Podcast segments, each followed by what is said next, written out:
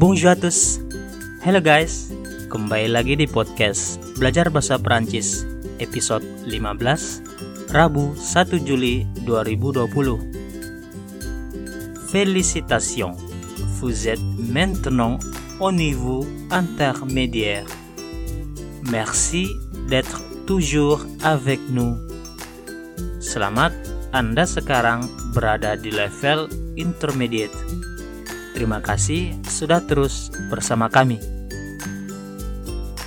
Tema pada episode kali ini adalah resolusi untuk masa depan. Untuk itu, pastinya kita akan fokus pada penggunaan kata kerja dalam bentuk future tense atau le futur.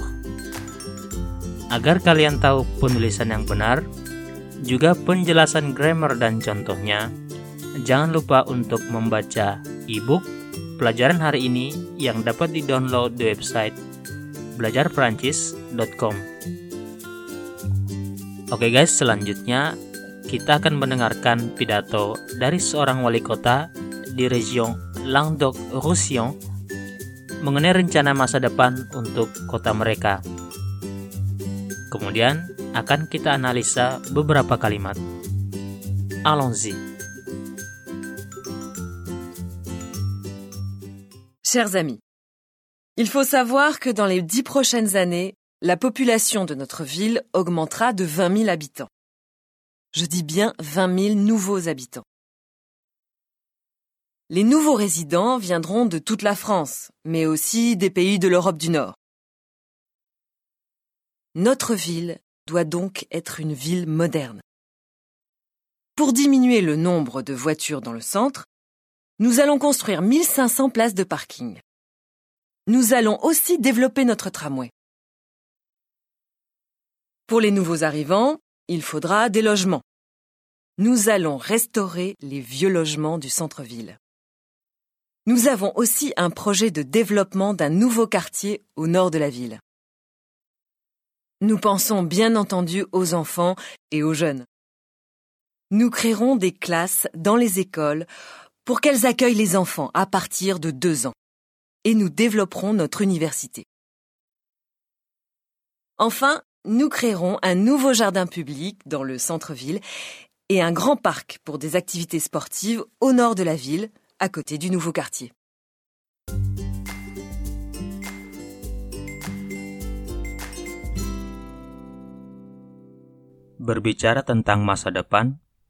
Masa dapat menggunakan tiga cara. Pertama, memakai kata kerja dalam bentuk présent, tapi sebelum atau sesudahnya ada keterangan waktu masa depan, dan tentunya dalam waktu yang sangat dekat. Misalnya, besok saya pergi liburan. Demain, je pars en voyage. Contoh lain, nanti malam mereka akan datang. Ce soir, ils nous rendent visite.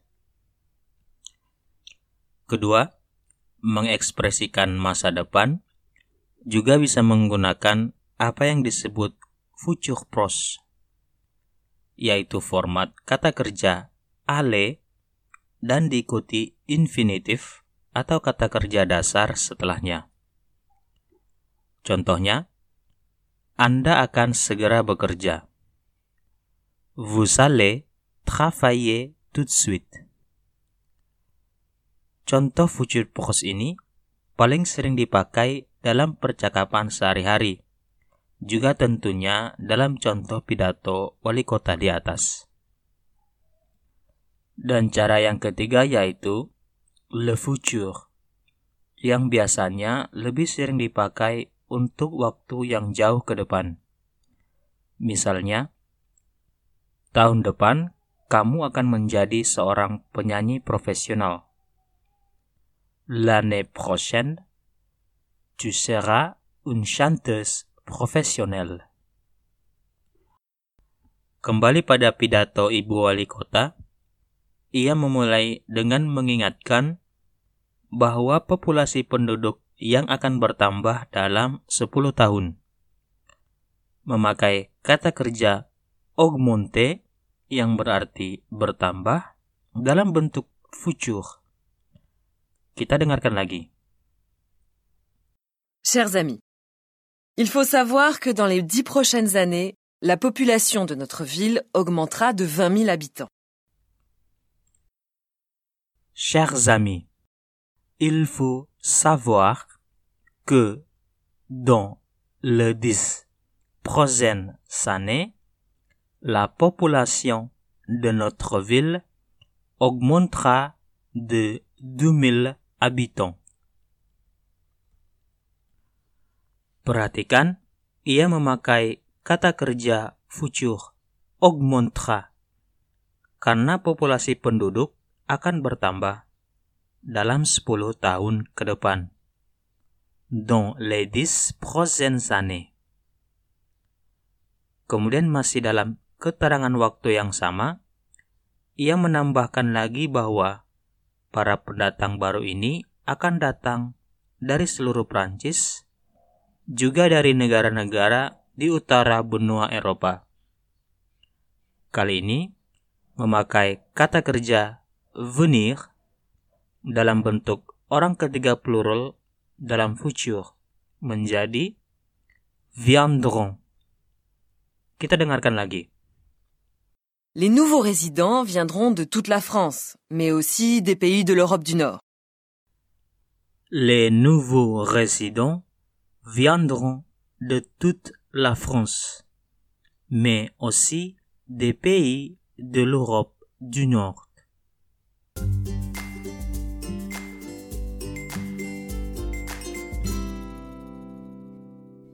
Untuk mengantisipasi pertumbuhan populasi itu, Ibu Wali Kota memaparkan rencana yang akan dilakukan dalam waktu dekat agar menjadi sebuah kota yang modern.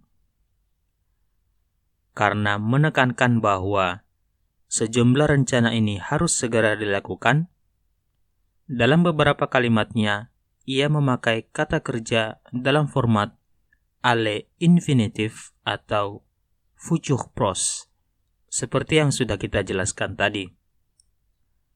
Pertama, untuk mengurangi jumlah kendaraan di pusat kota, mereka akan membangun 1.500 parkiran dan mengembangkan sistem tramway. Kita dengarkan lagi, perhatikan format future pros pada allons construire dan allons développer. Pour diminuer le nombre de voitures dans le centre, nous allons construire 1500 places de parking. Nous allons aussi développer notre tramway. Pour diminuer le nombre de voitures dans le centre, nous allons construire 1500 places de parking. Nous allons aussi développer notre tramway. Kemudian, untuk para penduduk baru, mereka akan menyediakan perumahan dengan segera merestorasi beberapa pemukiman tua di pusat kota. Di sini, perhatikan penggunaan kata kerja falloir dalam futur menjadi faudra. Kemudian langsung diikuti futur pros, allons restaurer dalam satu kalimat. Pour les nouveaux arrivants, il faudra des logements. Nous allons restaurer les vieux logements du centre-ville. Pour les nouveaux arrivants, il faudra des logements. Nous allons restaurer les vieux logements du centre-ville. Terakhir dalam fasilitas publik, mereka berencana akan membangun sebuah kebun yang besar untuk umum di pusat kota dan taman untuk aktivitas olahraga. Memakai kata kerja créer menjadi nous créerons. Kita dengarkan lagi. Enfin, nous créerons un nouveau jardin public dans le centre-ville et un grand parc pour des activités sportives au nord de la ville, à côté du nouveau quartier. On va, nous créerons un nouveau jardin public dans le centre-ville et un grand parc pour des activités sportives au nord de la ville à côté du nouveau quartier.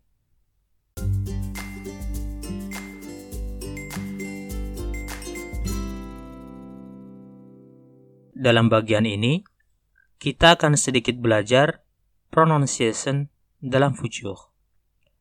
Perlu diketahui, huruf E dalam future tidak diucapkan. Dengarkan contoh-contoh berikut.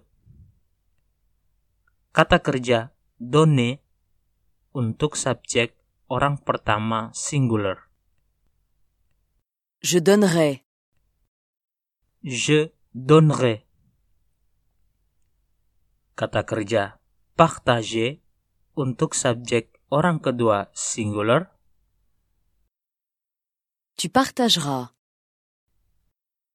Tu partageras.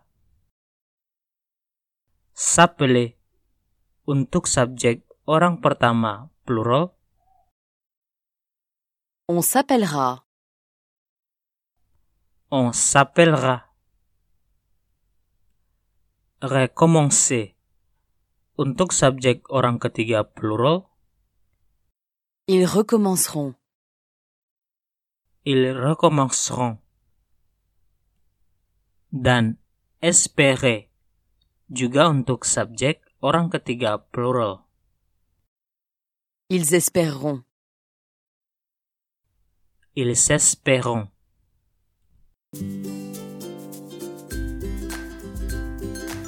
Oke guys, demikian untuk hari ini.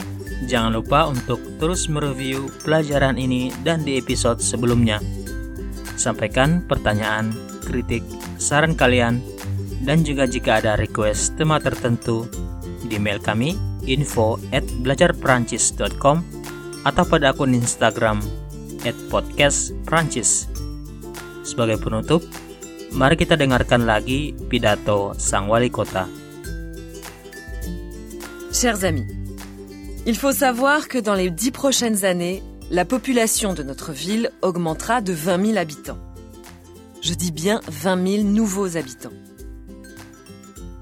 Les nouveaux résidents viendront de toute la France, mais aussi des pays de l'Europe du Nord. Notre ville doit donc être une ville moderne. Pour diminuer le nombre de voitures dans le centre, nous allons construire 1500 places de parking. Nous allons aussi développer notre tramway. Pour les nouveaux arrivants, il faudra des logements. Nous allons restaurer les vieux logements du centre-ville. Nous avons aussi un projet de développement d'un nouveau quartier au nord de la ville. Nous pensons bien entendu aux enfants et aux jeunes. Nous créerons des classes dans les écoles pour qu'elles accueillent les enfants à partir de deux ans. Et nous développerons notre université. Enfin, nous créerons un nouveau jardin public dans le centre-ville et un grand parc pour des activités sportives au nord de la ville, à côté du nouveau quartier. Au revoir, à bientôt.